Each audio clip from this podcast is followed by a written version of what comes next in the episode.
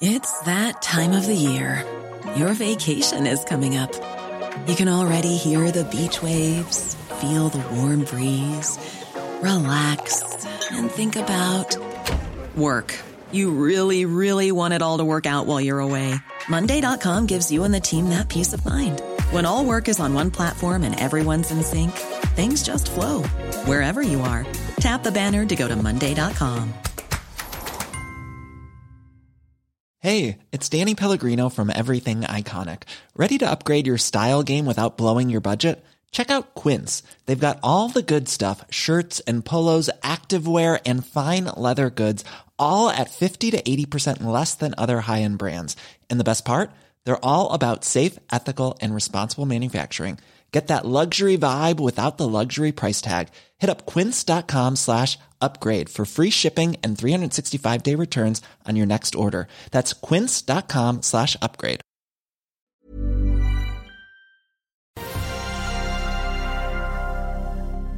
Det er tid for eh, rentemøte igjen. Altor og Marlin vil kjøpe melkekvoter, og dette under halv pris av hva gründeren solgte for sist. Og det ser ut som vi får en sur dag på børsen, skal vi tro. Værmelderne i DNB og Nordnett. Er eh, torsdag 19. januar. Dette er Børsmorgen.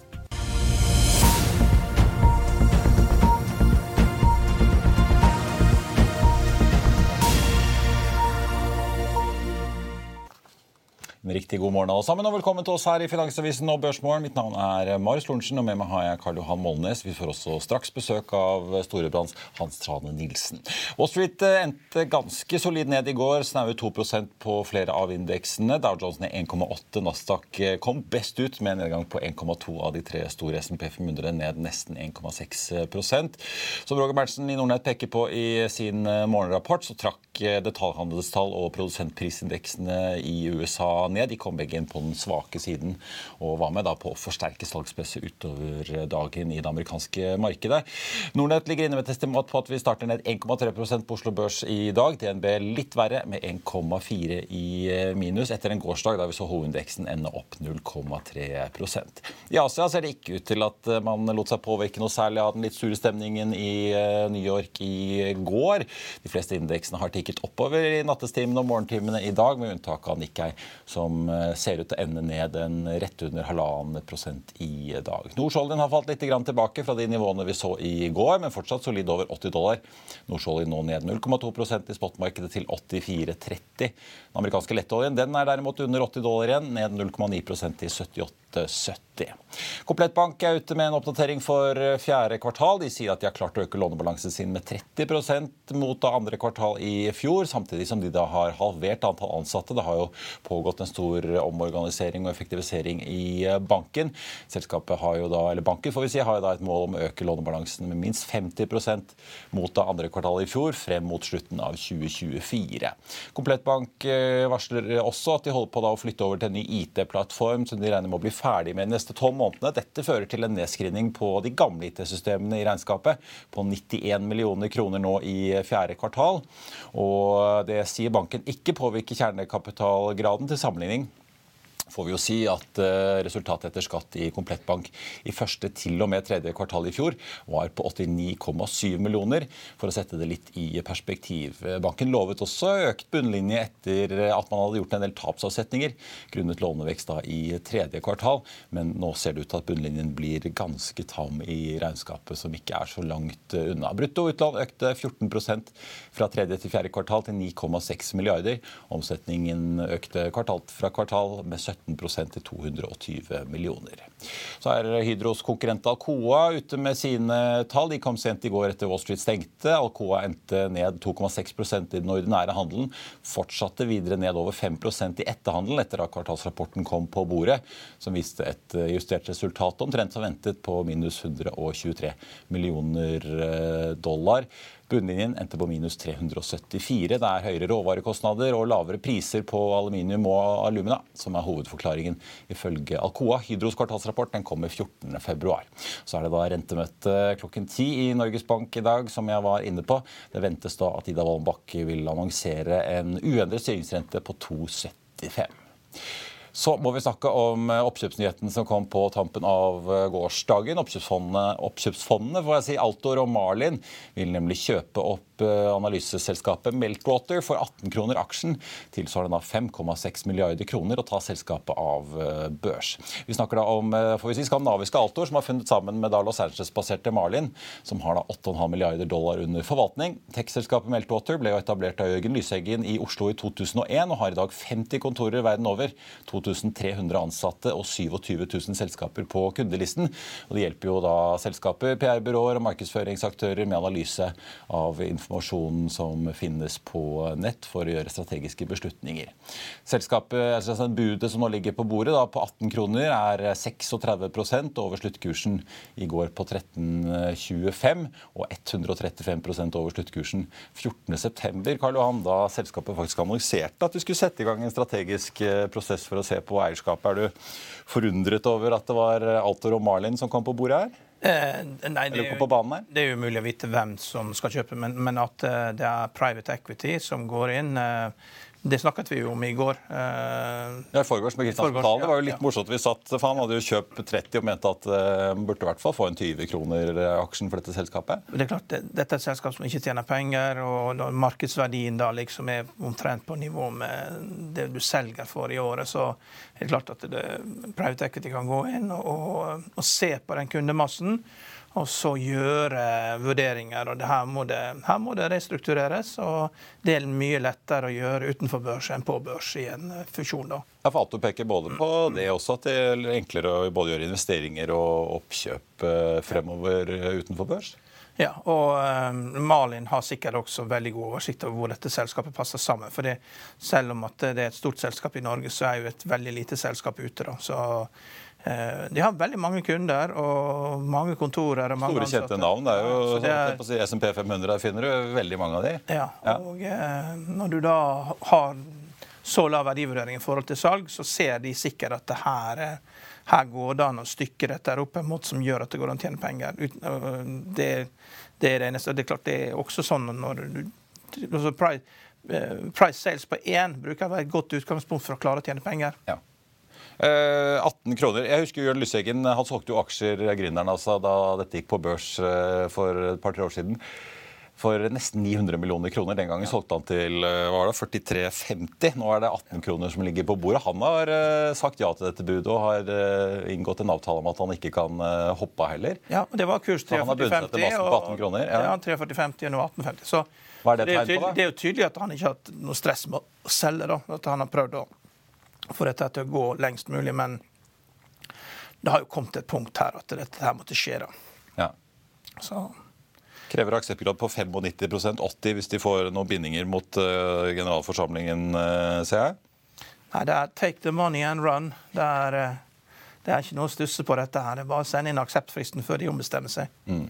Tror du det kommer flere bud på andre? Vi har jo sett en del av disse Euronics Growth-selskapene ja, bli snappet opp. Ja, men her har det vært en prosess. Her har JP Morgan og DNB vært inne og det har, vært, de har kjørt en prosess. og da, da, burde jo det ha kommet på bordet veldig raskt. da. Mm. For det tar jo tid å finne ut hva dette er verdt. Det er ja. ikke, du kan ikke gjøre det bare med å lese årsrapporten. Jeg la merke til at Altor og Marlin skal få eh, inntil 10 millioner dollar hvis det kommer et høyere bud på bordet som aksepteres. Så ja. Da får de litt for strevet. Ja, Det er jo litt sånn at ok, de er interesserte, og kanskje det er noe, kanskje skal legge ned et bud.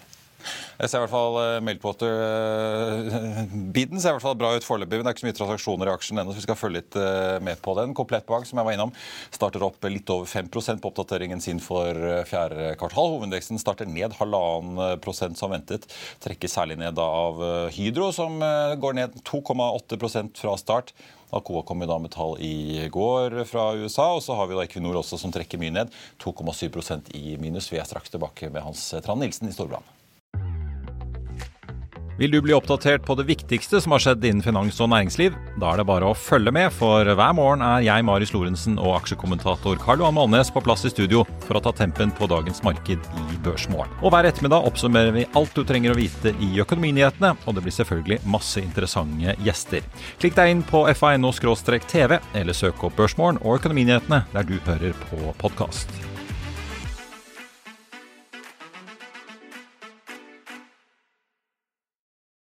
Jeg får nevne som jeg glemte å ta i sted, at det kom også en Q4-oppdatering fra Meltwater, hvor de da jekker opp uh, inntekts- og uh, ja, marginen er det samme, på fortsatt 8% justert EBITDA-margin. Men de venter litt høyere omsetning enn det de snakket om da for 2022 tilbake i guidingen i august. Velkommen Hans-Land Nilsen, porteføljeforvalter i Storbrann, og god morgen. God morgen, takk for det. Overrasket over Meltwater-budet? Eh, de har jo sagt dette høyt at dette skal de jobbe for. Ja. Og styret har i et halvt års tid åpenbart gjort en grundig jobb og vært som Karl Johan var inne på, mye rundt og vist selskapet frem. Så at det kommer om hvilken pris, det er vel i det leiet som analytikerne har tenkt seg, gitt at det blir en transaksjon.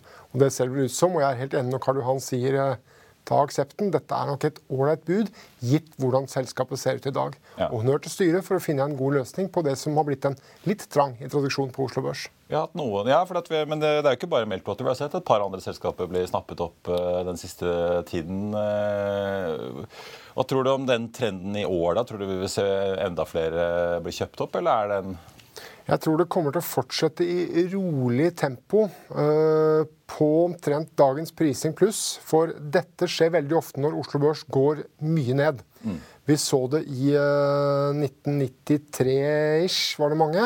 1998-99 var det særlig mange. Og det kom igjen i 2003-2004. Så når sykelen snur og Oslo Børs er billig, da dukker det opp mange transaksjoner som dette. Så det falt jo egentlig en god del i fjor. bare Det var litt dekket over av uh, Equinor, ja, Equinor og mange av oljeaksjene, men mange andre aksjer falt jo egentlig en god del. Jeg hadde gleden av å være i juleintervju i Finansavisen i 2020. Da diskuterte vi sammen en gjeng om uh, hvordan dette var verdsatt, og hvordan børsen så ut. Og var vel diskret sagt litt skeptiske til prisingen på en del av det. Og som du sier, etter to år så er det vesentlig rimeligere. Og her er det nok mulig å stokke på å gjøre god butikk ved å enten snu selskapet rundt, eller ved å ha litt flaks med en medgangskonjunktur. Mange av disse selskapene har jo også slåss med en konjunktur som har vært litt vond for dem. Ja. Skal vi snakke litt om uh, tech-sektoren uh, litt generelt? For Karlan, I går kom nyheten om Microsoft kutter altså 10 000 ansatte. HP har jo allerede annonsert uh, kutt. Salesforce, Snap så det, Listen over selskaper begynner ganske fortsatt en veldig, lang.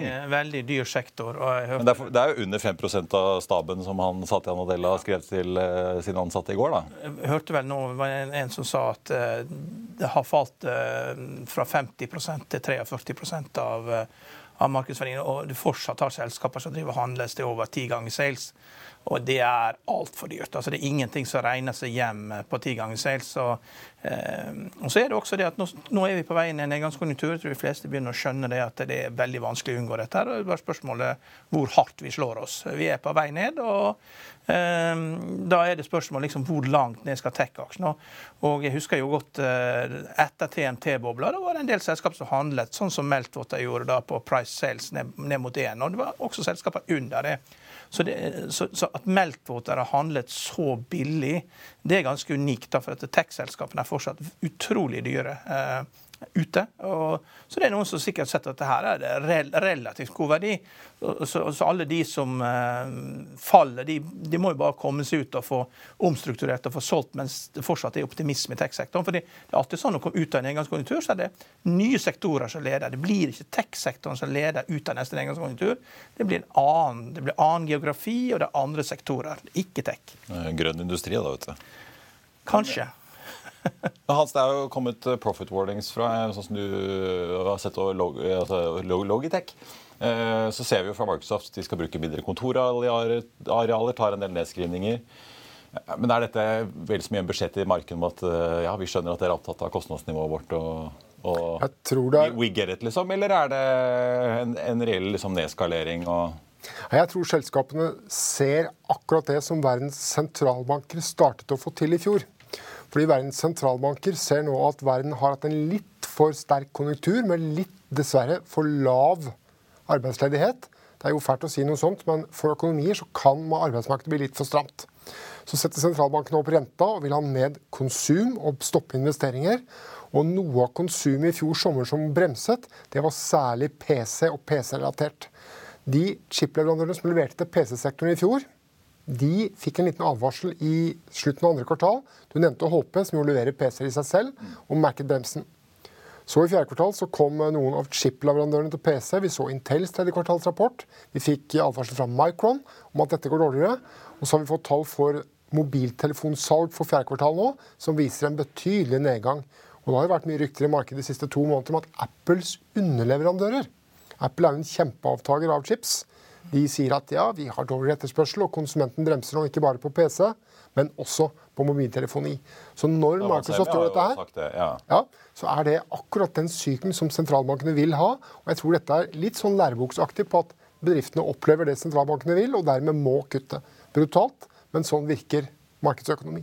Men har Og det, det som har holdt dette i gang, det er jo salg av chips til biler. Det har jo vært veldig sterkt. Nå, nå, nå faller jo bilprisene, så nå er jo det også over. Fordi de krever ikke de mest avanserte chipene. Det er vel det, nei, det er jo bare for å få setevarmen til å funke på enkelte biler, til og med. Ja. Ja. men de har et enormt behov fordi at det er så mange ting som eh, kan gjøres. Da. Men nå eh, har jo eh, Elon Musk starta global priskrig, og da er ikke det så gøy å være bilprodusent lenger. Men øh, nå hørte jeg alle disse store amerikanske bankene har kommet med tall. De sier at de venter en mild resesjon. Taiwan Semi sa ja, de forventer chipsalget går ned i første halvår etter et veldig godt 2022. Men så forventer de oppgang igjen da fra høsten av. Eh, Hvordan leser du det? Tror du det er bare noe som, vi, som en oppbremsing i første I'll see you in court. Vi sier det ofte litt på spøk, men for deg som driver business, er det aldri moro å innse at du ikke har laget en 100% gyldig kontrakt. Du bør ikke risikere hele firmaet ditt fordi du synes dette med kontrakter er litt stress. En avtale er ikke en avtale. Du kan miste kunder, miste venner, ja, til og med miste inntekter om du ikke lager en skikkelig kontrakt, på alt mulig, egentlig. Men vi vet det er et styr. Kopimaskiner, tregprinter og haugevis av papir. Dessuten stoler vi jo på folk her i landet. Det er ofte litt kleint å skulle be om en signatur for alt mulig, ja, for mye av styret handler også om jakten på underskriften. Det finnes en enkel måte å løse dette på, Dukkobit, en trygg, effektiv og get this, gratis måte å sikre seg en god natts søvn pluss en juridisk bindende avtale. Dukkobit-appen har de strengeste sikkerhetskrav i bunn, samt en EU-godkjent og sertifisert teknologi. Framover vil det bli behagelig å spørre du, skal vi skrive under på det, eller? Kom i gang på dokobit.no. halvår, og så For, foreløpig så er vi jo konjunkturen seg opp igjen? Foreløpig er som vi nevnte, som, som Karl Johan var inne på, at økonomien i verden bremser. Det er samme som i fjor, en økonomi som sakte bremser. Så vet vi ikke ennå om vi får en myk landing og en vending, eller om vi skal videre ned. Vi er litt der hvor vi kanskje var i 2001, hvor vi sitter og håper på en myk landing, men vet ikke ennå, for det er for tidlig å si. Og så er vi jo såpass happy at aksjemarkedet i seg selv er en ledende indikator. Og vi så jo da f.eks. årsskiftet 02-03, hvordan dette bråsnudde. Endog også i mars-april-mai 2009, hvor markedet var først ute før makro hadde kommet, og mens resultat, resultatvarslene fortsatt var det som plaget oss om morgenen. Så det vet vi ikke ennå, om vi her ser at vi har snudd, eller om vi fortsatt skal skli sånn sakte smertefullt, men selskapene mister ordre og sier opp folk. Det, det vi hadde da, var jo en krig. ikke sant? Vi fikk 9-11 i 2001. Og det virkelige vendepunktet ut i 2003 var jo i midten av april, når det ble klart at USA kom til å slå Irak i krigen. Da tok det av, og så eh, la inn bud på Bergesen på mandagen, og de skjønte at det og bare kom med det kjipeste bud du noen gang kan tenke deg, og ødela B-aksjene som instrument på Oslo Børs. Og det, de var veldig raske å ta det, da. Så det, men vi håper vi ikke får en krig oppi alt dette her da, som gjør at uh, vi definitivt går ned, og at det blir utgangen av krigen som definerer når vi kommer ut av nedgangskonjunkturen. Jeg ønsker ikke vi skal gjennom det en gang til. Men, hva, øh, har du, men tør dere å sitte, eller tør dere å satse på noe vekk, tech, unnskyld, tech-aksjer øh, på Oslo Børs om dagen, eller styrer dere litt unna? Vi begynte sektoren. sent i fjor å forsyne oss forsiktig. Vi syns jo som eh, mange at verdsettelsen var svært høy rett etter juleintervjuet i 2020 i Finansavisen. Og så har vi begynt gjennom fjerde kvartal i fjor så vidt å dyppe tærne litt i det. Eh, vi har ingen betydelig overvekt i dette utenom de fondene våre som skal være eksponert der. Så i våre brede fond har vi fortsatt vært litt forsiktige. Ja. Så er det jo slik at Vi må være på Oslo Børs, vi skal ha penger der, og vi har mye penger for kunder der. Og Så gjelder det løpende da å lete etter gode ideer. Eksempel nå så begynner jo folk å si at ja, det er mye profit warnings. Men hva hvis det da ikke kommer en stor mengde profit warnings? Da har vel to første ukene i januar vist oss at jo, det er plenty av penger som kan fyre aksjemarkedet på kort sikt her. Ja. Så vi må begynne å tenke litt på det også. Så jeg tror det er tidlig, men vi må ha det i bakhodet når vi skrur sammen porteføljene. Ja, Det er nesten litt sent å vente på Q4-rapportene fra selskapene og få guiding. Da. Du må nesten sitte og Ja, fikk vi Microsoft i går da, med 1000 Ja, ja. oppsigelser, som jo er et ganske klart signal om at det ser ikke fest ut i ordreboken til Microsoft heller. Nei. Ja, men jeg tenker sånn på selskaper her hjemme, da, hvis ikke kommer, selskaper som pleier å komme med kvartalsoppdateringer og sånn, hvis de ikke skriver noe veldig alvorlig der, så De tregeste pleier å komme rundt 20. januar, men 4Q profit warning det er vi nok ferdig med. Da må Ja. det bli en 23-guidance som er godt under det analytikerne har lagt seg inn med nå. Ja. Det er jo noen analytikere som ligger i konsensus og venter ganske betydelig omsetningsvekst for selskapene på Oslo Børs. Det er ikke alle som vil få det i år. Men hvor viktig blir disse guidingene for 23, tror du, for kursutslagene? Det så vi vel på Logitech her om dagen. at Ja, ja. Hvis man kommer med en vond en, så er det fort 10% gærne veien. Og vi så jo også på Alcoa i går, som i et kvartal med brukbare aluminiumspriser leverte et nokså betydelig underskudd. Ja. Så det svir eh, fortsatt for eh, råvarene. Jeg tror det. Er, har du noen sånne litt sånn trygge havner som du sitter med under kvartalssesongen nå? Det er vanskelig å komme utenom annet enn de vanlige klisjeene som eh, Telenor, Gjensidige og Orkla. At mat, telekom, piller som vi dessverre ikke har i Norge og skadeforsikring vanligvis er det beste. Men jeg tror ikke jeg vil kalle det trygge havner. Og ingen av de sektorene er direkte råbillige, de heller. Vi har jo en treårsperiode bak oss på Oslo Børs som har vært ganske bra i gjennomsnitt, selv om det åpenbart er trukket opp av energiaksjene i fjor. Vi har jo snakket opp med Kid før. Med Hans, du var på Kid eh, innom i går. Ja, jeg tenkte jeg måtte stikke innom. Og, Med researchtur? Ja, innom, og det er jo eh, Før så var det jo sånn at disse butikkene de slapp jo unna med å kjøre liksom 70% avslag, opphørssalg. Og, men har jo blitt mer profesjonelle. altså Nå er det 50 sant? Det er 50% som skal dra det inn. Altså, så, eh, disse butikkene, Princess og Kid og Nille, de bør jo skaffe seg sånn markedsføringskampanje med dette bandet. da, Halva priset, og kjøre kampanje der. fordi det er jo helt tydelig det at eh, halv pris, og noen av de har jo halv pris på halv pris også. Og, og eh, det, det er tydelig. Det er kampanjer som får folk i butikken, og det fungerer sikkert. Men det er klart det er januar og strømregning. Det er for folk Og husleieøkning. Ja, husleieøkning. Var ganske stiv i år, ja. ja, på den sørlige delen av eh, Norge. Eh, de, eh, de merker jo dette her. da. Hvis du snakker med folk eh, nå for Dovre, så sier jo det at de står han av med ett øre kilowatten, liksom. Men det er jo en annen verden.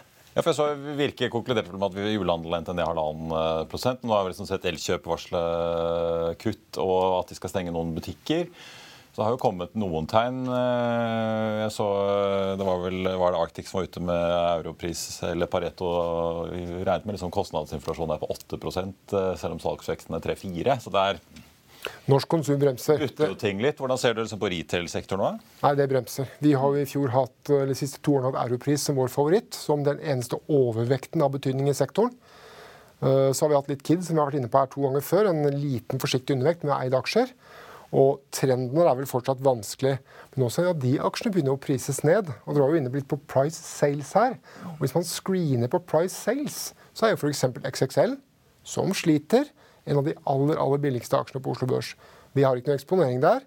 Men dersom en dyktig leder og en dyktig ledergruppe skulle få sving på sportssalget når den norske konjunkturen kommer tilbake, så er det kanskje noe man skal se på. Så tror jeg det er litt tidlig. De har jo også varslet at fjerde kvartal ikke blir helt det de hadde håpet. Og Det blir jo veldig spennende å se Freddy Sobin. Er jo en slags sånn, eh, ikke retail-gud, men han er jo veldig kjent i Sverige, sjef for Kicks i dag. Han egentlig, Om han får til masse ting, eller hvordan han vil liksom utøve sjefsjobben når han tar over Det er noen mennesker som er utrolig flinke til å drive en butikk. Det er jo en egen kunst. Jeg kan den ikke selv, men eh, jeg må jo si jeg er imponert over en del mennesker de siste 30 år, hvordan de har fått til retail i Norge. Skal Vi snakke litt, eh, vi var jo i Sandefjord på oljekonferansen her i forrige uke. Jeg hørte mange oljetopper som de begynner å bli litt sånn smånervøse, virker det som i varierende grad for kostnaden og produktiviteten, og at de skal drive og stjele hoder fra hverandre. Og det er i gang. Ja, ikke sant? Eh, og Equinors Norgesjef Kjetil Lov var ganske åpen på at produktivitetstallene går ikke riktig vei. Eh, men det er jo mye som skjer i den sektoren nå. Vi har fortsatt eh, 80 pluss dollar fatet. Ja, gassprisen har kommet mye ned, men det er jo fortsatt nivåer som gir veldig god inntjening. Og så får vi jo produktembargoet sannsynligvis fra EU mot Russland da i starten av februar nå. Equinor har jo vært en av årets svakeste aksjer. Dette har vært vinneraksje i fjor, og er vel omtrent den aksjen som trekker ned børsen i år. Men det er jo slik at selv om Equinor i år ligger an, i fjor unnskyld, ligger an til å tjene rundt 240 milliarder kroner netto etter en brutal skatteregning, så er konsensus i år rundt 150 milliarder i overskudd for Equinor. Det er, eh, gjør jo da Etter 78 skatt. etter 78 skatt. Og Hvis man screener aksjer på Oslo Børs nå, så er det to ting som ser litt rart ut. Det ene er prising av europeiske energiselskaper mot amerikanske. Exxon, Chevron, ConocoPhillips handler på doble multipler i Europa. De er alltid litt dyrere, men nå er de sjelden mye dyrere. Og det andre det er små og mellomstore oljeselskaper. Der er aksjonærene knapt med i det hele tatt. Og de ser snodig lave ut. De virker Altså, å prise Altså snakker om DNO-ene og Okea? Ja, DNO, Okea, Panoro, BV Energy, sånne, og tilsvarende ute. De handler som på en oljeprisen skulle være kanskje 50-55 dollar. Så det er Men- men de de kursene. De amerikanske har jo tilgang på ubegrensa med ressurser fra Permian-feltet. Det feltet er jo like stort som Sør-Norge. og De later jo som at det ikke er stort, eh, men det, de har jo olje 500 år der sikkert.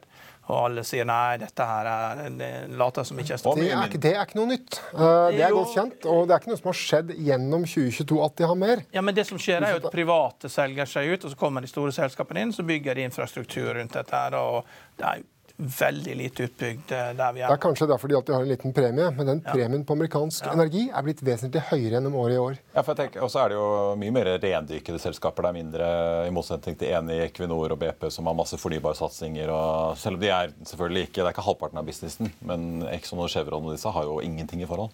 Er Foreløpig er. Foreløpig er fornybart en veldig liten del hos det europeiske, men den kommuniserte andelen her i Europa er jo mye høyere. Ja. Det er nok hovedårsaken, at man skal putte er en del penger inn i et skifte. Ja. Eh, Amerikanerne er mye mindre, og som du er inne på, de har mye mer areal å lete i. Og så har jo Exxon funnet en gigantelefant utenfor Guyana. Kanskje verdens mest spennende offshorebasseng. Der er foreløpig ikke noen norske med.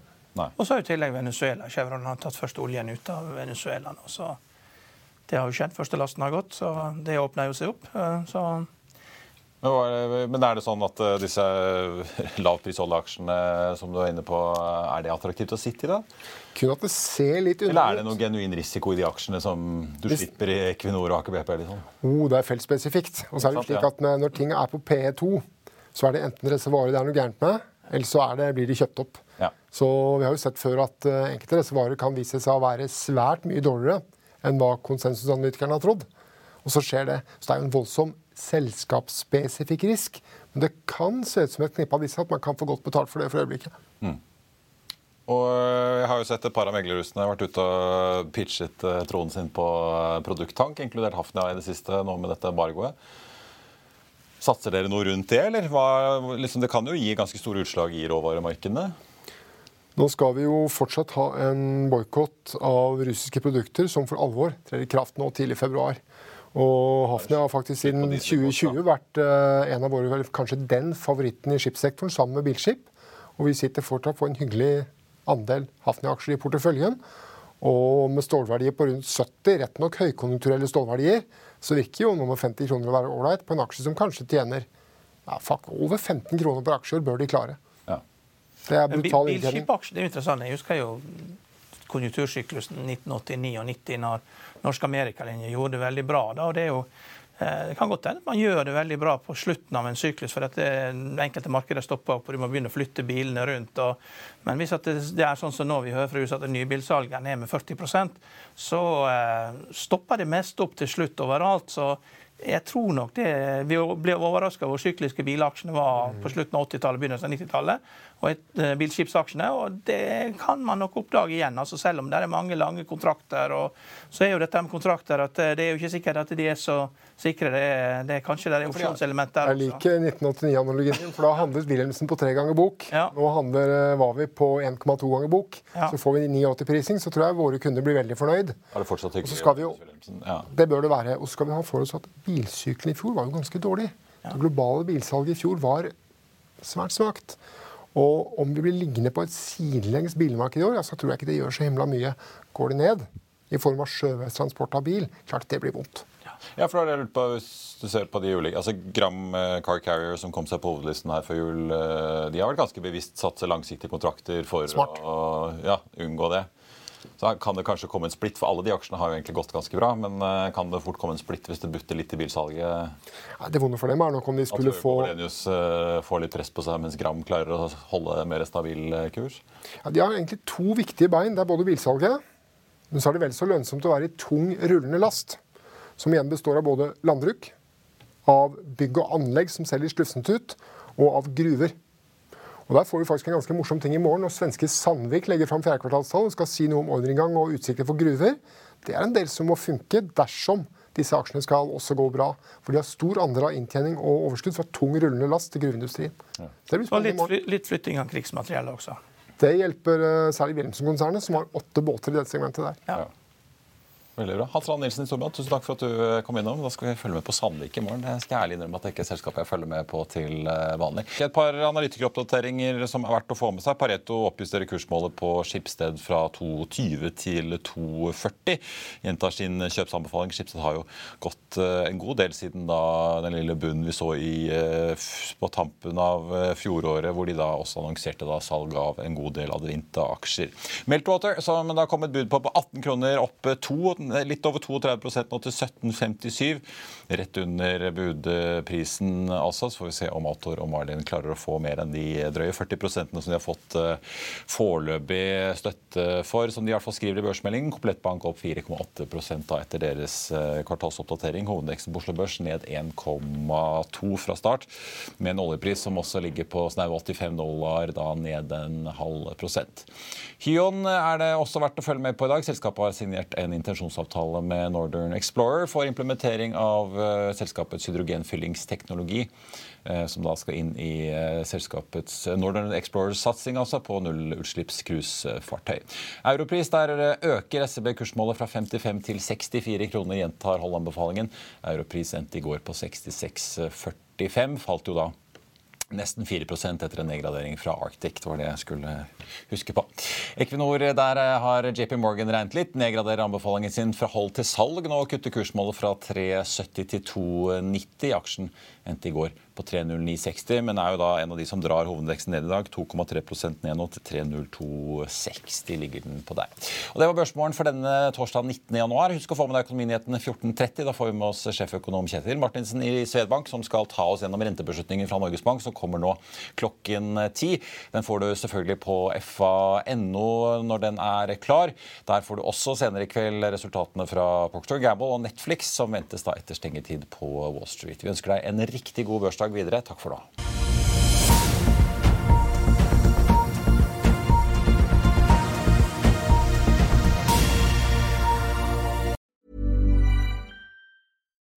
When you make decisions for your company, you look for the no-brainers. If you have a lot of mailing to do, stamps.com is the ultimate no-brainer. Use the Stamps.com mobile app to mail everything you need to keep your business running with up to 89% off USPS and UPS. Make the same no brainer decision as over 1 million other businesses with Stamps.com. Use code PROGRAM for a special offer. That's Stamps.com code PROGRAM.